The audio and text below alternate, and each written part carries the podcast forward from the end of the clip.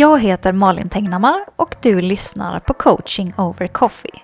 En podcast från One Spoon Happiness där jag varje vecka över en kopp kaffe delar med mig av tankar, mindset och konkreta övningar för att skapa mer glitter i livet. Det här innehållet går också att hitta i videoformat på Instagramkontot at onespoonhappiness. Nu till veckans avsnitt. Hej och välkommen till veckans avsnitt av Coaching over Coffee. Som idag blir lite Summer Edition. Jag sitter i mina föräldrars eh, växthus hemma i Småland. Ehm, och idag ska vi prata om det här med att fastna i tankar eller att låta vissa andras tankar eller åsikter få fäste i sitt eget huvud och hur man kanske inte vill ha det och hur man eventuellt kan jobba med det. Mm. För det här var någonting som jag pratade om i en coachingsession senast och det fick mig att tänka väldigt mycket på det här med hur mycket kraft vi ibland lägger på saker som inte är sanna. Ehm, och jag kan tycka att det är både liksom eh, komiskt, fascinerande och eh, bara alltså för jäkligt att det ska vara så lätt för någon annans åsikt. Väldigt ofta någonting man kanske har hört när man var ung. Som någon har sagt som liksom är elakt och som man gör om till sin egen sanning. Liksom. Ehm, och det vi pratade om eh, då var bland annat det här med att man kan vara att man kan tycka det är jobbigt när folk skrattar runt en. Ehm, det är något jag inte har tänkt på länge. Men jag insåg när den här personen sa det att det är också något som jag har haft med mig väldigt mycket och eh, tyckte var lite jobbigt för att man är, första tanken på något sätt alltid är det mig de skrattar åt. Och det är väldigt knäppt att, eh, väldigt förståeligt eh, beroende på vad man har varit med om. Så vi har det på det klara. Men också samtidigt väldigt knäppt att det är någonting som man tänker. För det mest troliga är ju verkligen att tanken att någon har roligt. Någon har roligt, någon har sagt något roligt, det har hänt något roligt. Eh, människor mår bra, de är snälla, de är glada. Det är därför de skrattar. Det är inte mest troligt att någon skrattar åt dig, någon okänd människa på stan som du inte känner. Det är inte mest troligt. Ändå kanske man undviker den typen av situationer för att man tycker att det är lite, lite obehagligt. Och det, nu kanske inte du kan känna igen det alls i det här skrattexemplet, men det finns kanske andra saker. Det kan, finns kanske, kanske har någon sagt någon gång att du typ inte passar i en viss typ av kläder eller att du eh, pratar konstigt eller skrattar konstigt eller eh, har märkliga intressen eller vad som helst som kommentar. Alltså jag tror att alla har någonting sånt som det är liksom en åsikt som har fastnat. Som är så här, vem, vem är det som tycker så?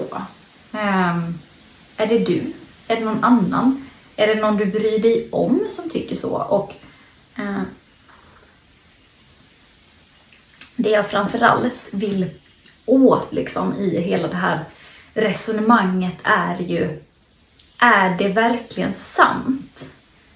För vi presenterar det kanske till och med så för andra så här, ja men jag som är så dålig på engelska. Mm, det är någonting som jag har levt med väldigt länge. För att jag var inte bra på engelska när jag var liten och uttalade saker lite konstigt och det fick Eh, person, alltså jag har till och med en lärare liksom som har skrattat åt mig tillsammans med hela klassen hur jag uttalade Och Jag menar det, eh, det kan man ju tycka kanske inte var det bästa. Men att jag fortsätter säga att jag är dålig på engelska det är ju faktiskt inte sant. För jag har, jag har jobbat på det. Sen blir jag fortfarande svettig av att prata engelska med folk. Och, eh, men, men, det är inte sant att jag är dålig på det längre. Eh, och då... då ska vi inte heller gå runt och tänka det, tänker jag. Eh, och nu, nu är det här ett exempel, för det kanske inte påverkar så mycket, men ja, fast delvis, för jag har inte rest innan för att jag tänkt att jag är dålig på engelska till exempel. Det var någonting som jag inte gjorde när jag var yngre för att jag tyckte det var för obehagligt. Jag, jag märkte att jag begränsade mitt liv av den tanken ganska tidigt och började därför jobba med det väldigt tidigt. Sen finns det kanske andra saker som eh, jag inte har jobbat på med det sättet och du har kanske saker som, som du har tagit in som sanning i ditt liv som egentligen är en annan persons åsikt. Eh, det är väl det jag känner att jag svamlar lite om. Men vi får ta det när det är summer, summer edition, höll jag säga. Eh, det här med att skilja på vad är en åsikt, vad är sanning? Eh, I princip är ju ingenting sanning egentligen för att det är, även sanningen är bara en åsikt i slutändan. Men, men ändå, att fundera extra mycket på det här med vad är faktiskt sant och vad är en åsikt som du håller kvar i ditt huvud som en sanning för att du inte har tänkt på att du kan göra om den.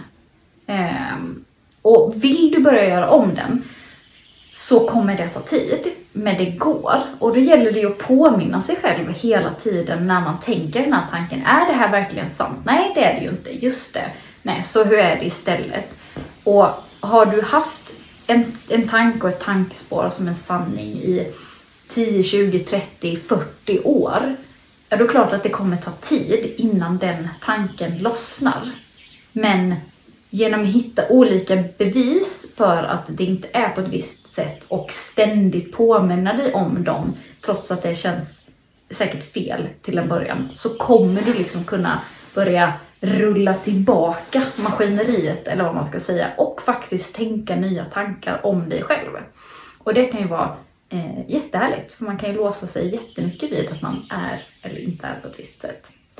Så det vill jag skicka med för idag. Eh, det går ändra eh, dina tankar, eh, men du måste vara medveten om vad du tänker då. Så, så börja där och fundera på vad du har som begränsar dig. i. och så kan du gå vidare utifrån det. Och Tycker du att de här coaching-sessionerna hade varit härliga om de hade rört dig personligen så går det också att boka in sådana. Jag har nästan precis lanserat min nya sida. Den är inte riktigt officiellt uppe än, men om du tittar på det här så kan du gå in och smygkika för den ligger uppe. Eh, och där går det att boka både en prova på-session som är lite kortare och sen kan du Eh, eller du kan på en gång också boka in ett längre upplägg på tre eller fem sessioner om du vill det. Så det, den möjligheten finns om du är intresserad av det. Annars så ses vi eh, snart igen för ett nytt avsnitt av coaching over coffee. Det här var allt för den här veckan. Och tyckte du om innehållet i den här podcasten är min rekommendation att du går in på Instagram och följer mig på @onespoonhappiness för mer daglig inspiration. Vi ses igen nästa vecka.